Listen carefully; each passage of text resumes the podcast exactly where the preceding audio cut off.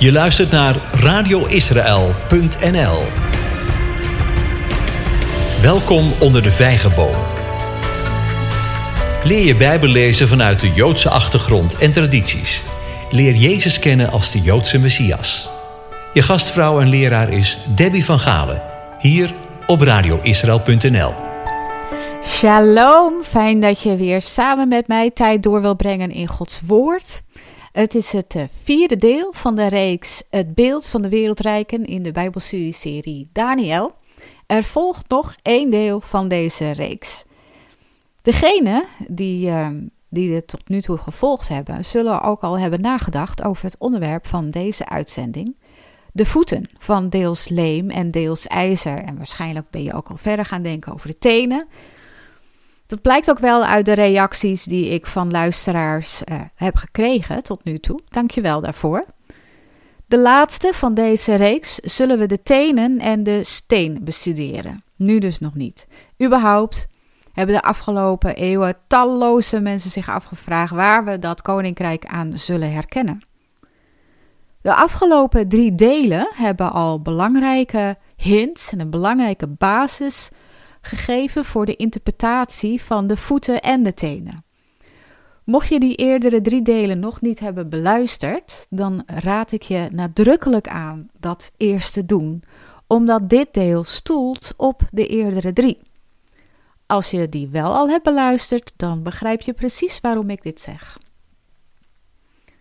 Mijn man is kunstenaar en een van zijn specialismen is boetseren.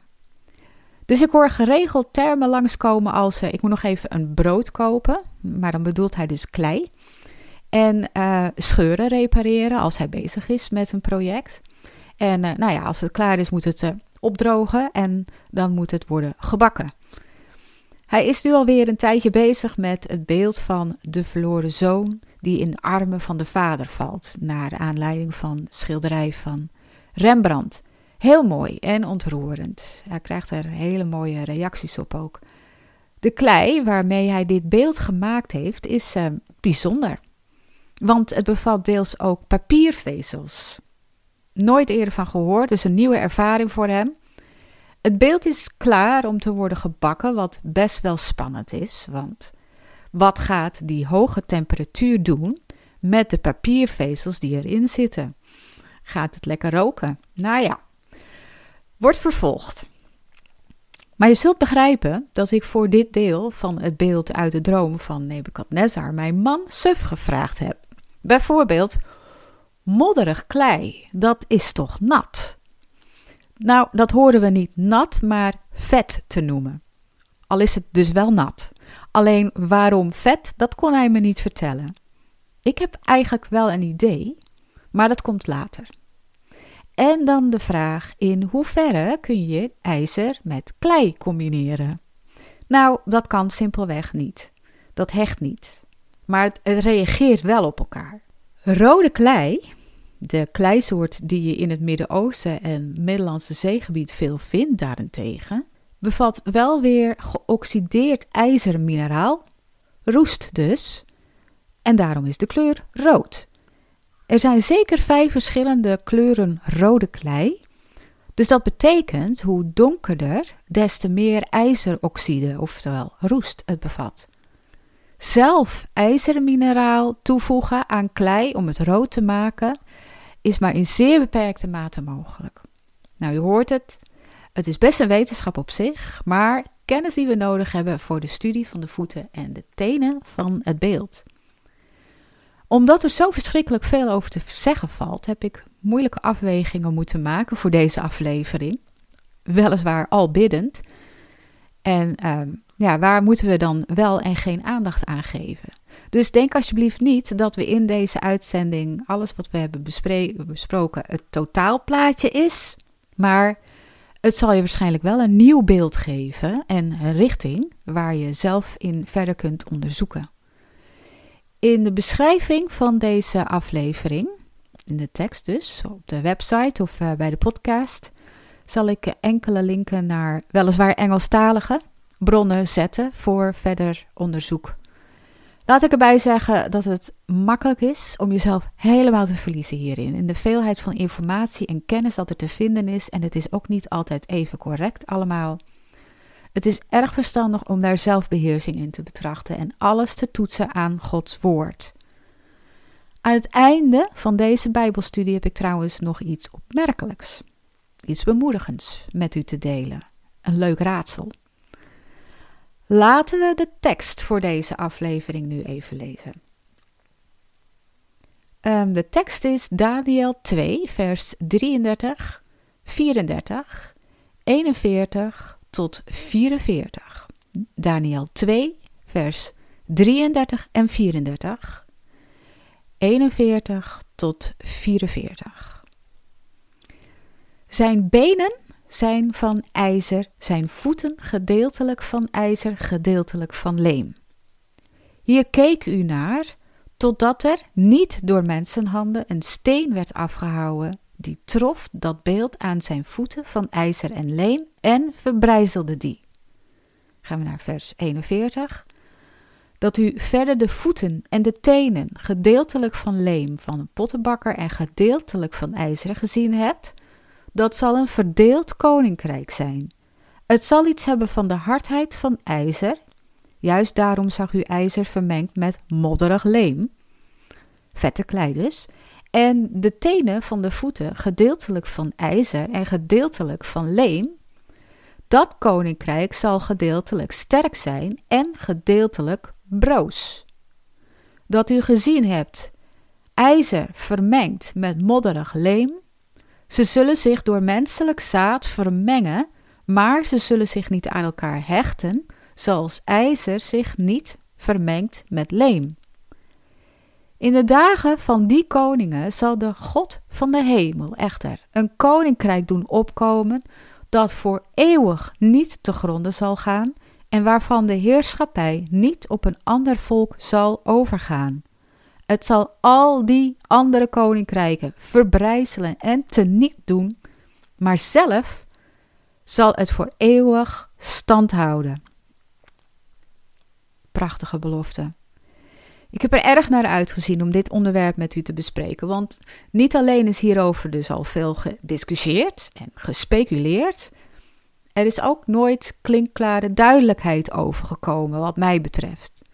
Ik kan het mis hebben natuurlijk, en laat ik er nu ook zelf bij zeggen dat ik nog steeds aan het ontdekken ben, want er is, zoals gezegd, zo onnoemelijk veel over te vinden en te zeggen.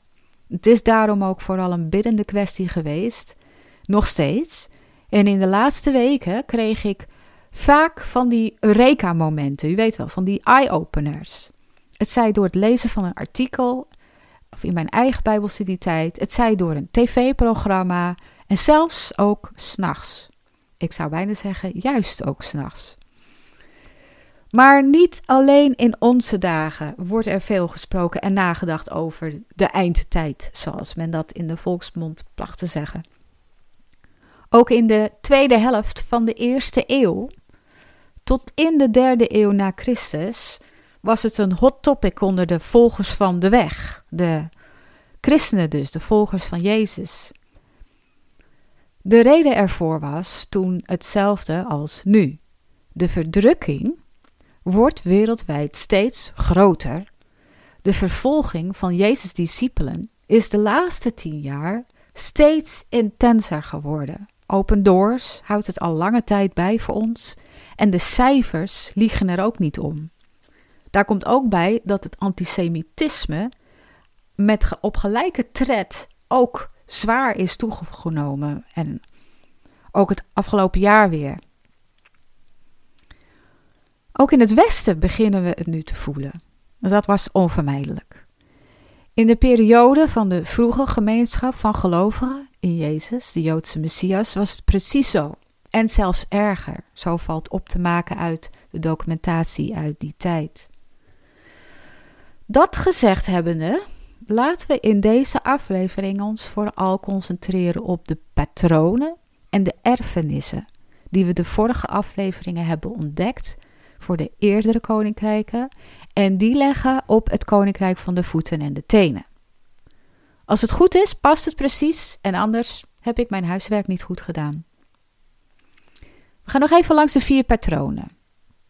De eerste is de afname van waarde in de materialen waaruit het beeld bestaat van top tot teen en hoe dat overeenkomt met de mate waarin de heersers van die rijken de God van Israël en zijn verbondsvolk erkenden, ontzag ervoor hadden of juist afwezen.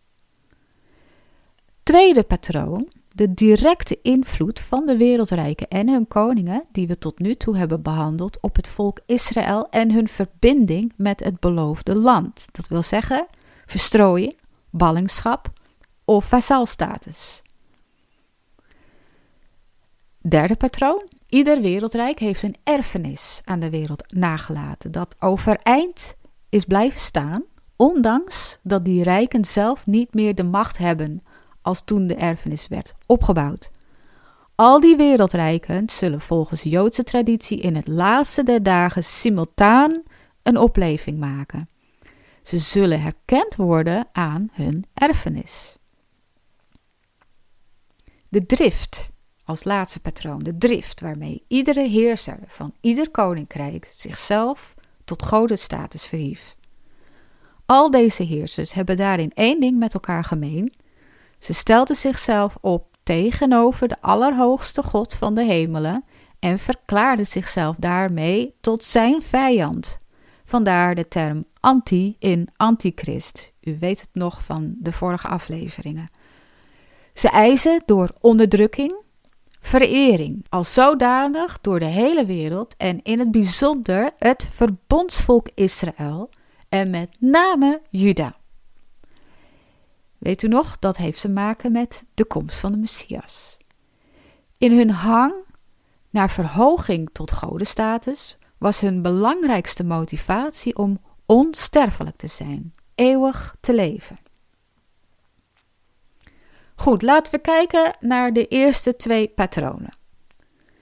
Het koninkrijk van de voeten, inclusief de tenen, is duidelijk de laatste periode die deze wereld is toebedeeld, voordat God zijn eeuwige koninkrijk zichtbaar zal maken en vestigen op aarde door Jezus, de Messias koning, en dat zal nooit meer weggaan. We hebben uh, de onderbenen als laatste met elkaar besproken. Het Romeinse Rijk in zowel seculiere als religieuze vorm. Dat bleef doorgaan in dat beeld totdat de Romeinse ballingschap van de Joden zou ophouden te bestaan. Ik denk dat we met elkaar tot de conclusie zijn gekomen dat die inderdaad zeer recent ten einde gekomen is. Wat ontegenzeggelijk tot de conclusie leidt dat wij leven in de periode van het laatste koninkrijk, die van de voeten. Voordat de Messias als koning de wereld zal onderwerpen aan zijn wet en zijn heerschappij. Het komt eraan, mensen. Echter, in de voeten zitten nog steeds de restanten van het Romeinse Rijk. Dat wil zeggen, het ijzer loopt als een web van wortels door in de voeten en tenen in verschillende vormen. Welk beeld krijgen we bij de voeten? We hebben genoeg spreekwoorden en gezegden die ons daarover een idee geven. In deze context denk ik bijvoorbeeld aan onder de voet gelopen, wat duidt op iets dat vertrapt wordt. Gaandeweg deze studie zullen we zien dat dit waar is voor dit beeld. Gaan we eens even kijken naar klei en ijzer. Ik heb in de inleiding al verteld over de oorzaak van de rode kleur in klei, namelijk ijzermineraal in de vorm van oxide, oftewel roest. Dan nu over het metaal. Het metaal ijzer wordt rood door twee oorzaken, namelijk door blootstelling aan vocht of extreme hitte. Bovendien, door het vocht ontstaat roestvorming, wat ijzer broos maakt. Door verhitting wordt het juist buigzaam. In de beschrijving die Daniel geeft van de klei, worden we een beetje in verwarring gebracht doordat hij eerst spreekt over potter, pottenbakkersklei dat modderig is, maar later broos genoemd wordt. Dat duidt echter ook op twee verschillende vormen. De een nog in bewerkbare vorm, vet dus, modderig, en de ander gebakken. En klei wordt gebakken in een zeer hete oven tussen 1100 en 1300 graden Celsius gedurende 8 à 10 uur. En dan wordt het dus broos, breekbaar. Verder noemt hij het het vierde koninkrijk, terwijl de tenen duiden op een samengesteld koninkrijk. Toch is dat ook precies de reden waarom we het niet als een vijfde koninkrijk kunnen zien. Het is immers hetzelfde rijk, dezelfde materialen, verdeeld onder tien koningen, dan wel heersers. Het rijk van de onderbenen gaat naadloos over in de voeten, wat weer naadloos overgaat in die van de tenen. Dat duidt op eenstemmigheid totdat de tenen zijn bereikt. De voeten en tenen hebben we gelezen bestaan uit deels ijzer en deels pottenbakkersklei, dan wel modderig leem. Dat is in vergelijking met de eerdere materialen en zeker in deze combinatie waardeloos. Tegelijkertijd is dat onze troost, want hoewel de wereld waarin we nu leven rijker lijkt te zijn dan ooit, de vette klei, denk ik, vergeleken met de vette koeien, bijvoorbeeld in Farao's droom, is het in de ogen van onze Hemelse Vader armoediger dan wat het ooit is geweest. IJzerrijke klei is namelijk verder mineraalarm. In geestelijke zin is de wereld en zelfs de kerk, vooral in het Westen, inderdaad, in een zeer armoedige geestelijke toestand, door gebrek aan kennis en liefde voor God.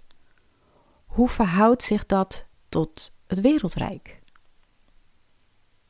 De rode kleur van beide materialen is inmiddels wel duidelijk. Daniel beschrijft de klei al eerst als modderig en dan als broos. Het ijzer lijkt onverminderd sterk aanwezig te zijn. Waar zou de kleur rood voor staan, vroeg ik me af. Dus ik heb gebeden, natuurlijk, voor openbaring, aangezien we toch al in de voeten zitten. Gezien de waardeloosheid ervan, moet het een macht zijn die een absolute haat voor God, zijn verbodsvolk en het land zou hebben, en zich tegenover deze driehoeksrelatie zou opstellen als we de patronen uit het verleden eroverheen leggen. Toen stuitte ik op een artikel en die link zal ik in de beschrijving van deze aflevering zetten. Genaamd Pastor Do Champions of Socialism Realize That Karl Marx Held a Deep Belief in God. In het Nederlands voorganger realiseerden de voorstanders van het socialisme zich wel dat Karl Marx een diep geloof in God had. Karl Marx wordt de vader van de wetenschappelijke socialisme genoemd. Het is inmiddels wel bekend dat Klaus Schwab, de oprichter van het Wereld Economisch Forum en auteur van het boek en tevens plan The Great Reset, ook wel Communisme 3.0 genoemd, een ware zoon is van het Marxisme en dat deed me denken, het Marxisme is uit op de vestiging van een communistische utopie op aarde en de kleur gerelateerd aan het communisme, aan die filosofie, u raadt het, is rood. Karl Marx was alleen niet de enige vader van het communisme. De minder bekende, maar belangrijkere persoon was zelfs Friedrich Engels. Samen schreven zij The Communist Manifesto. Dat werd uitgebracht in 1848. 100 jaar voor het uitroepen van de staat en natie Israël dus. Twee vaders voor het communisme. De eerste reden voor twee voeten. Karl Marx kwam uit een Joodse familie en was van kinds af aan al rebels. Friedrich Engels heeft geen Joodse wortels. Karl Marx schreef ooit dat hij wist dat hij was geboren omwille van God, maar dat hij was uitverkoren voor de hel.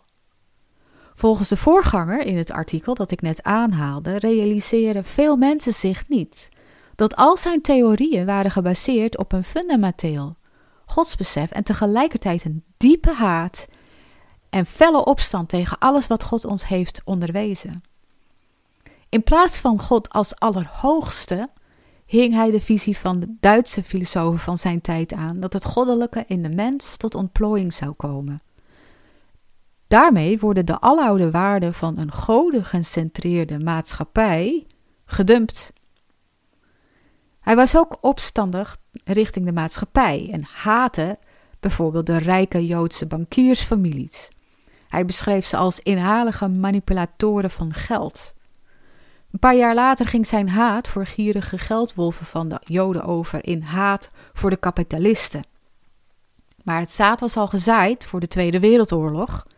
Joden en kapitalisme waren en zijn dan nog steeds synoniem aan elkaar wat betreft antisemieten en dus ook nazi's. Het ironische hieraan is, is dat een van de Joodse bankiersfamilies, de Rothschilds, door een wereldse bril bezien, 60% van het grondgebied van Israël bezit en dat de ontwikkeling van het land begin 20e eeuw begon met het socialistisch-communistisch systeem genaamd kibbutz. Ik heb er zelf ook drie en een halve maand op één doorgebracht ooit. En had er na een maand al meer dan genoeg van. Wist je trouwens waaraan het huis van de Rothschilds te herkennen was? In plaats van een huisnummer hadden zij een rode Davidster, een rode schild, op de muur naast de deur geschilderd. Diezelfde Davidster die vanaf de oprichting van de staat in het blauw op de vlag van Israël pronkt, om de leiders van het land eraan te helpen herinneren aan wie zij hun loyaliteit hebben te tonen. Waarom blauw? Rood is een primaire kleur en nogal opvallend en agressief. Blauw is ook een primaire kleur en geruststellend, waarmee bij het publiek geen argwaan wordt gewekt. Met andere woorden, de mate waarin het communisme de God van Israël en zijn verbondsvolk en het land dat hun is gegeven door de echte eigenaar, de God van Israël, is erkend en respecteerd, is 0,0. Vandaar de waardeloosheid van het rijk van de voeten en tenen. Er is nog een andere kwade macht aanwezig, waarmee het marxisme recent verbroederd is geraakt: de Jezuïeten. Deze zogeheten geheime orde, niet zo geheim meer, werd na een periode van onderdrukking door Paus Pius VII in 1814 weer hersteld. Op 14 oktober 2016 is met de aanstelling van de Venezolaanse marxist en jezuïet frater Arturo Sosa als generaal-overste van de Sociëteit van Jezus, waar de jezuïeten dus aan verbonden zijn, de connectie met het marxisme openlijk tot stand gekomen. En dus kwamen we weer uit in Rome, dat ooit door afstammelingen van Edom, dat rood betekent, werd gesticht. De huidige paus is een gezworen Jezuïet, dat is bekend. Anthony Fauci, let op de Italiaanse achternaam, Bill en Melinda Gates, Klaus Schwab, Mario Draghi, Draghi betekent draak, ook Italiaans, en koningin Maxima, om maar een paar bekende personen te noemen, zijn allemaal op scholen en of universiteiten onderwezen door Jezuïeten en worden door de orde ook als zodanig beschouwd. De paus was destijds als bisschop zelfs een leraar op dezelfde school die Maxima bezocht. Allen hebben dus ook de eed van de Jezuïeten afgelegd, ook al zullen ze het ontkennen, met kracht. Tevens heeft de van oorsprong Joods-orthodoxe familie Rothschild al sinds de 19e eeuw een directe link met de Jezuïeten. Sterker nog, volgens de Jewish Encyclopedia, volume 2, pagina 497, dragen zij de titel bewaarders van de schatkist van het Vaticaan. En de naam Rothschild is nauw verbonden met de historische band die de familie ermee heeft. Deze familie heeft dus ook alles te maken met alle oorlogen waarbij het Joodse volk in de Tweede Wereldoorlog met uitroeiing werd bedreigd. Voor dit, dit stuk zal ik ook een link plaatsen in de beschrijving van, het, van de aflevering. Het fascinerende is dat toen de zonen van Maya Rothschild eenmaal een aandeel als volwassenen in de familiezaak kregen, dat de naam werd gewijzigd in Mayer Amschel Rothschild und Zonen, dat ons de anagram M-A-R-S, Mars, geeft. Heel opmerkelijk. Laat Mars nu toch de Romeinse god van de oorlog zijn en de planeet die ernaar vernoemd is, Mars, een rode kleur hebben. Tot zover de eerste twee patronen de waarde van het ijzer en de klei, dat een gezamenlijke macht is die een absolute haat voor God, zijn verbondsvolk en het land heeft en zich tegenover deze driehoeksrelatie opstelt. Ook de kleur rood hebben we kunnen plaatsen. Bovendien, hoewel het Joodse volk terug is in eigen land en floreert, is oorlog, de rode draad, vanaf de oprichting ervan. Een continu gevecht voor het bestaansrecht. Afgelopen twintig jaar, of tien jaar, las ik vandaag, zijn er 22.000 raketten op Israël afgevuurd. 22.000. In de VN is het antisemitisme wat de klok slaat. In de rooms-katholieke kerkleer en daaruit voortgekomen de protestantse kerkleer, de traditionele dus, is het de vervangingstheologie die het Joodse volk zijn plaats of hun plaats als uitverkoren en heilig verbondsvolk van God er ontkent. Ook weer het getal 2 voor de voeten, politiek en religieus. Dan het derde patroon. Alle voorgaande wereldrijken zullen volgens Joodse traditie in het laatste der dagen simultaan een opleving maken samen met het laatste koninkrijk. Dit maken we ook zeker op uit de droom die Daniel zelf heeft gehad, beschreven staat in het zevende hoofdstuk van het Bijbelboek.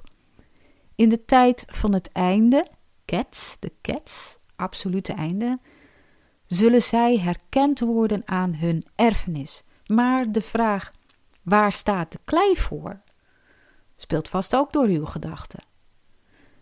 Tegenwoordig noemen we het wetenschappelijk socialisme van Karl Marx technocratie.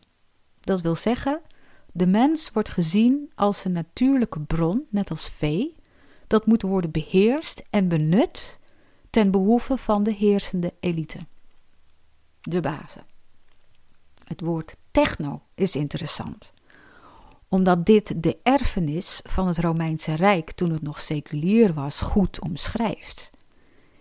In de vorige aflevering heb ik uitgebreid besproken hoe de vijf vooruitstrevende technologische ontwikkelingen van het Romeinse Rijk toen de erfenisvorm die wordt meegenomen in het wereldrijk van de voeten en ook de tenen dus.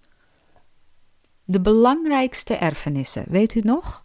zijn het bankenstelsel van het Babylonisch Rijk, het post- en communicatienetwerk en het maten- en gewichtenstelsel van de Mede en de Persen.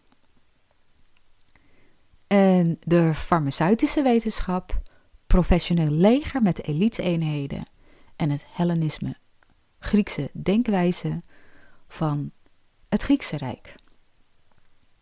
Het ijzer van het Vierde Rijk wordt door Daniel geduid als een rijk dat alles verplettert en vergruist. In de vorige aflevering hebben we geleerd dat dit het Romeinse Rijk typeerde, omdat het erom bekend stond oude gebruiken en technologieën van voorgaande rijken, ofwel om te vormen, zodat het bruikbaar was voor het Romeinse Rijk. En over die oude gebruiken en technologieën, hebben we het dus over die erfenissen En vooral ten behoeve van uitbuiting van de door hen overwonnen volkeren. Anders ook oude gebruiken of technologieën, dus die erfenissen, voor goed de wereld uit te helpen. Als religieus rijk heeft het bijvoorbeeld de oude goden van de volkeren, die onder Romeinse heerschappij kwamen te staan, opgenomen in het religieus systeem en ze heiligen genoemd, vooral om de vrede te bewaren in het rijk. Toen nog een godengecentreerde maatschappij. Nu een volkomen van God losgeslagen maatschappij en hard onderweg naar vergruizing. Voor velen is God namelijk dood, om met de woorden van Nietzsche te spreken, die overigens in dezelfde eeuw als Karl Marx geboren was. Juist die karaktereigenschap van het Romeinse Rijk, het ombuigen tot een nieuwe werkbare vorm ten behoeve van het Rijk, in combinatie met de eerdere erfenissen, is belangrijk om de voeten te verstaan. De klei in de voeten worden door Daniel in vers 41 beschreven als modderig, eerst. En de tenen zijn van gebakklei, wat op te maken valt uit het woord broos. Dat heb ik eerder ook al genoemd.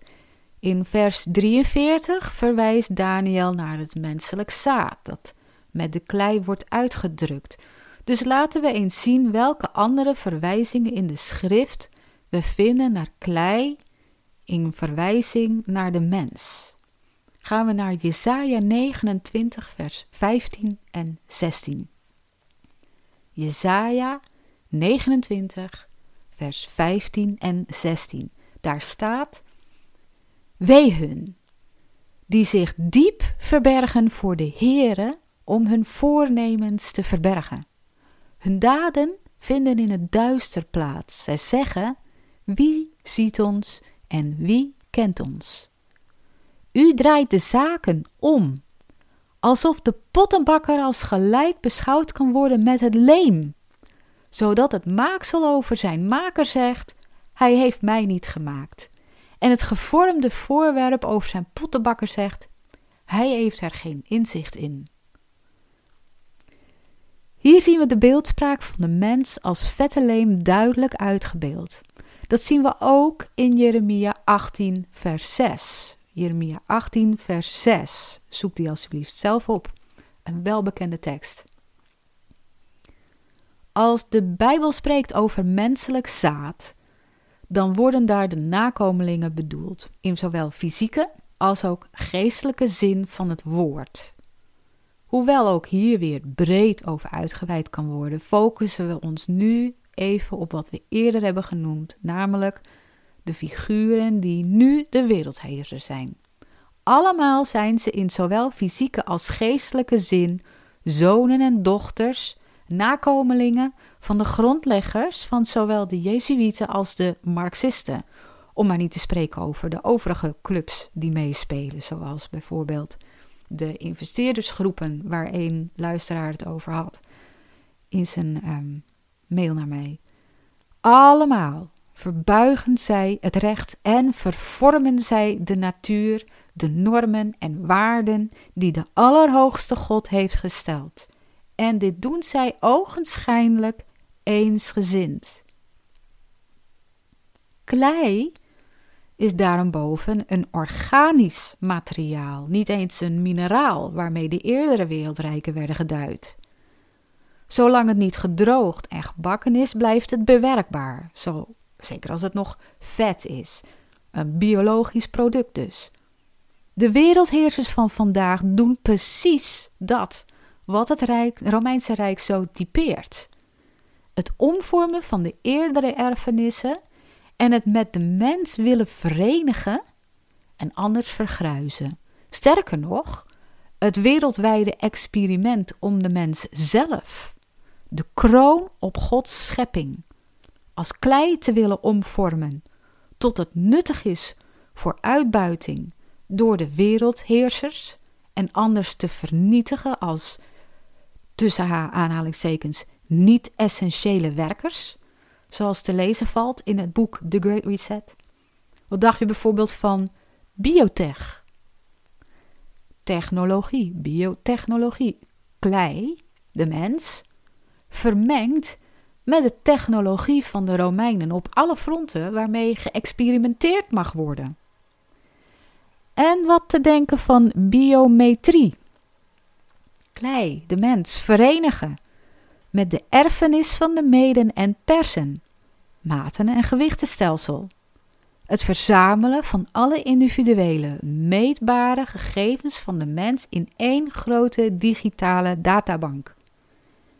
Ik hoef vast niet te beginnen over de militaire en farmaceutische wetenschappen van de Grieken, die we nu weer volop in actie zien.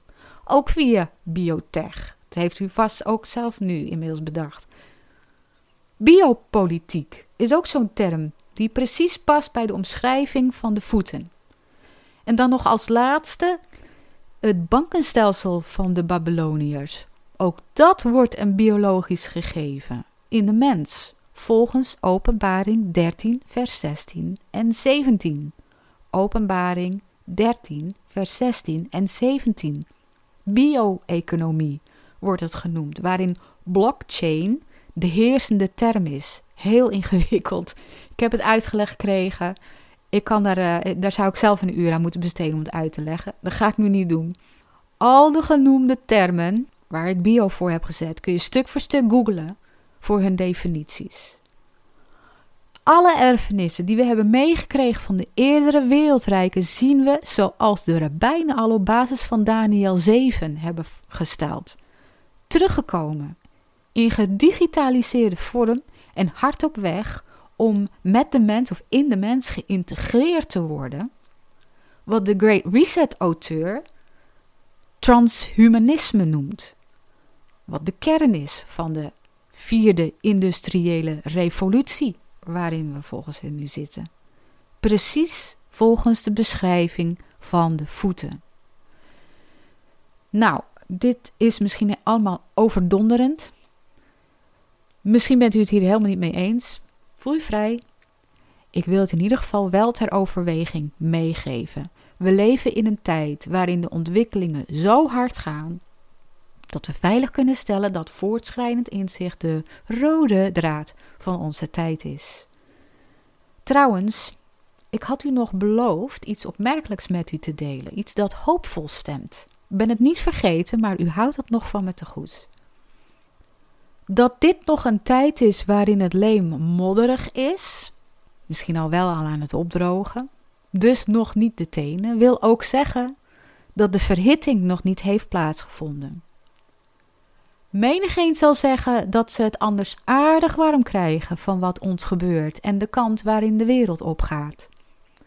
Ik durf ook wel te stellen dat de wereld voelbaar steeds dichter bij die vurige oven komt te staan.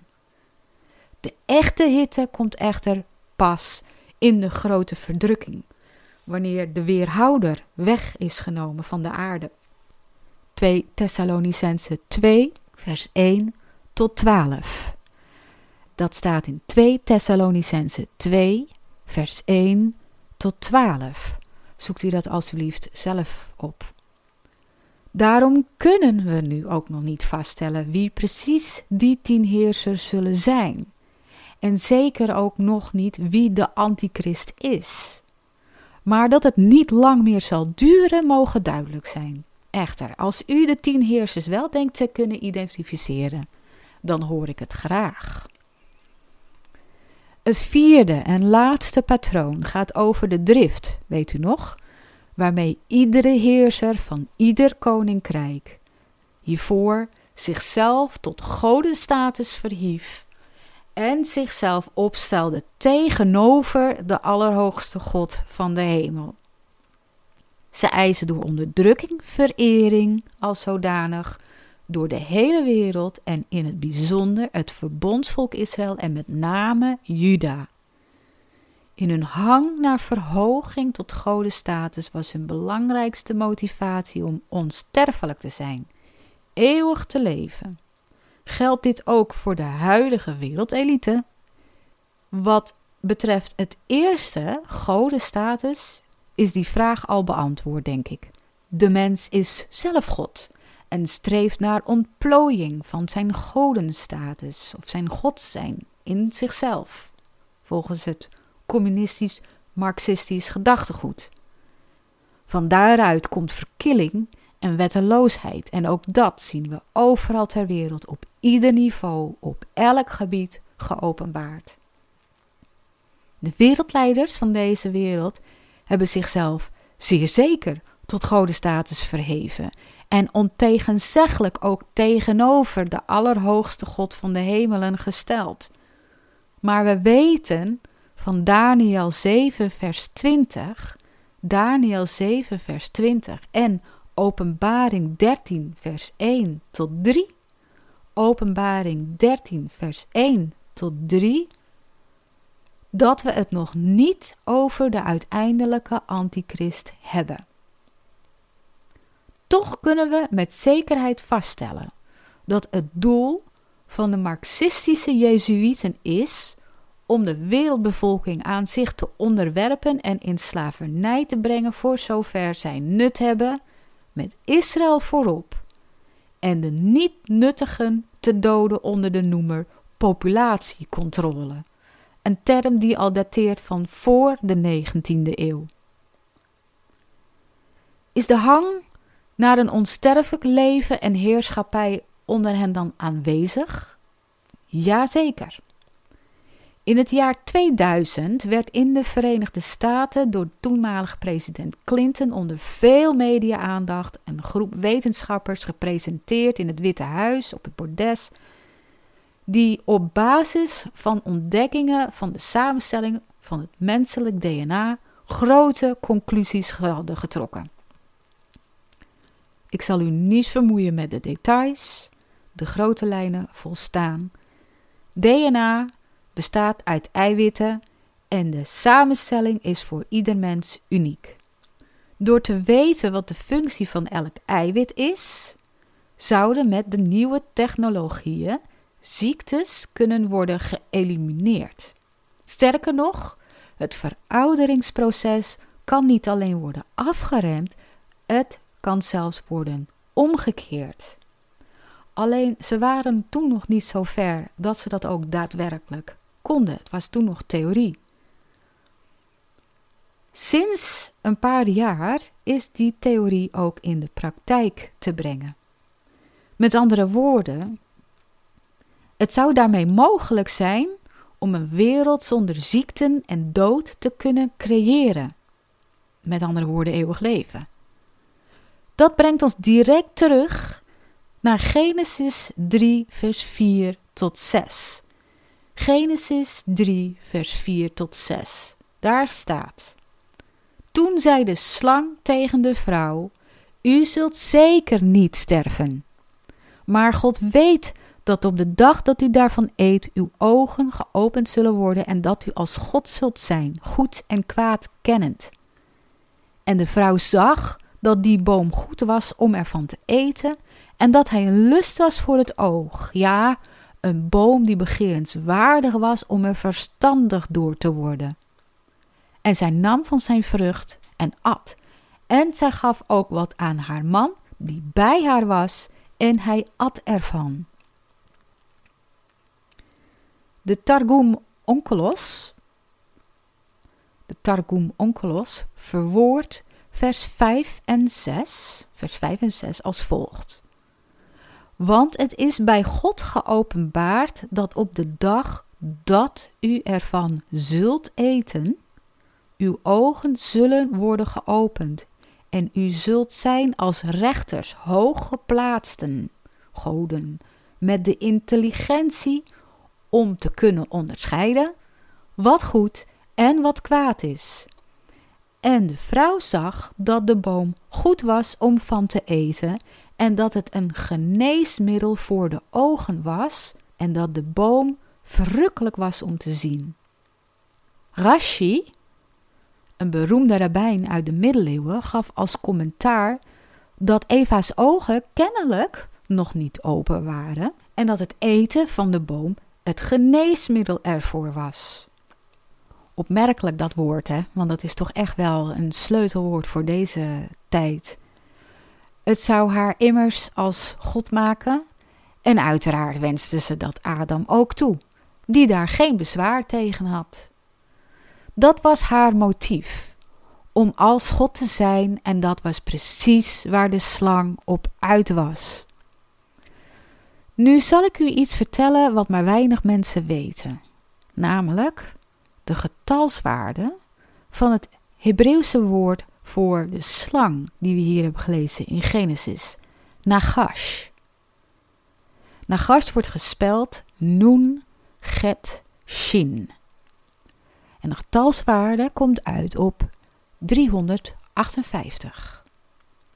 Weet u wat de getalswaarde voor Mashiach, Messias in het Hebreeuws, is? Mashiach spel je Mem, Shin, Yud, Get. Die is ook 358. Wat zegt dat over de slang? Als u nu zegt, hij is de antichrist, dan zit u goed. En zo zien we de cirkel rondgemaakt bij de tenen van het beeld van de wereldrijken uit koning Nebukadnezars droom. Ik noem nu een paar Bijbelversen voor u op om te noteren en verder op te zoeken. Daniel 7, vers 20 tot 22. Daniel 7, vers 20 tot 22. 2 Thessalonicense 2, vers 3 tot 9, of eigenlijk 12.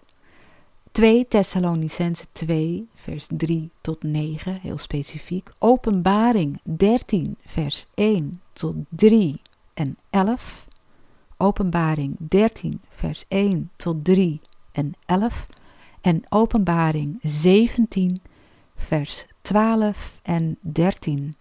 Openbaring 17, vers 12 en 13. Goed, ik had nog beloofd iets opmerkelijks met u te delen. Kort geleden, een paar weken geleden, in de nacht kwam uit het niets ineens deze openbaring en mijn mond viel letterlijk open van verbazing. Dit was mij eerder nooit opgevallen en waarschijnlijk u ook niet. Welnu, de vorige afleveringen hebben we steeds de atlas erbij gehaald om de rijkwijde van het wereldrijk te bestuderen en te duiden op de kaart en eigenlijk ook de vorm die overeenkomt met het beeld. Dat mist nog, hè, in deze aflevering. Heeft u zich er nooit over verwonderd dat Italië gevormd is als een laars? Ik wel. Vorige aflevering werd de bedoeling ineens duidelijk, vanuit de schepper bekeken. Als ik u nu vraag nogmaals naar de kaart van heel Italië te kijken, echt heel Italië, goed kijken. Wat ziet u dan dat overeenkomt met de beschrijving van Daniel 2, vers 34? Daniel 2, vers 34.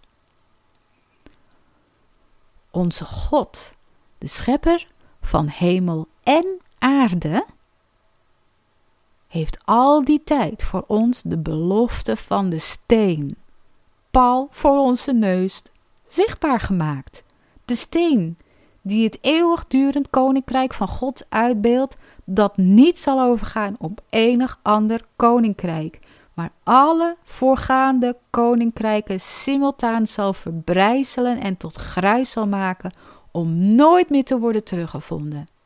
Ziet u het ook? Die steen aan de tenen van de laars van Italië, het centrum van het Romeinse Rijk, ook wel Babylon genoemd. Is dat geen hoopgevende en bemoedigende houvast, een belofte?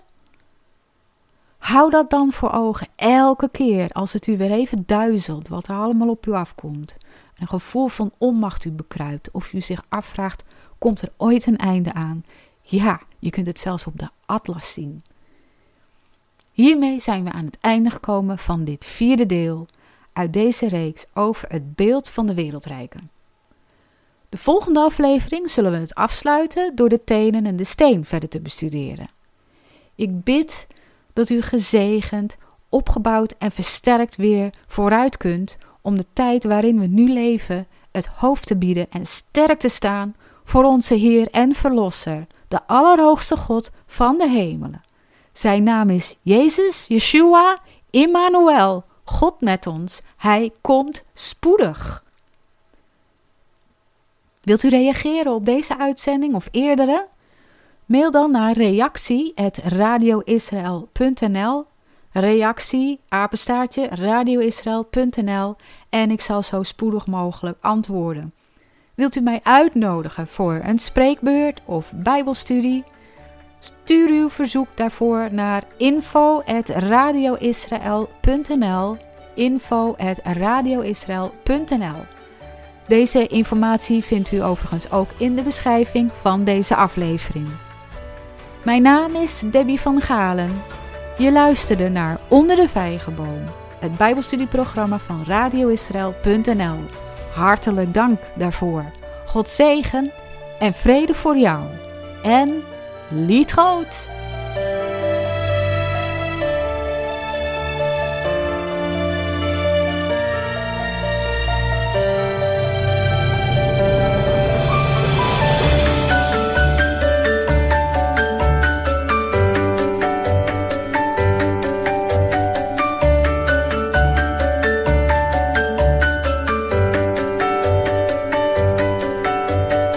Je luistert naar radioisrael.nl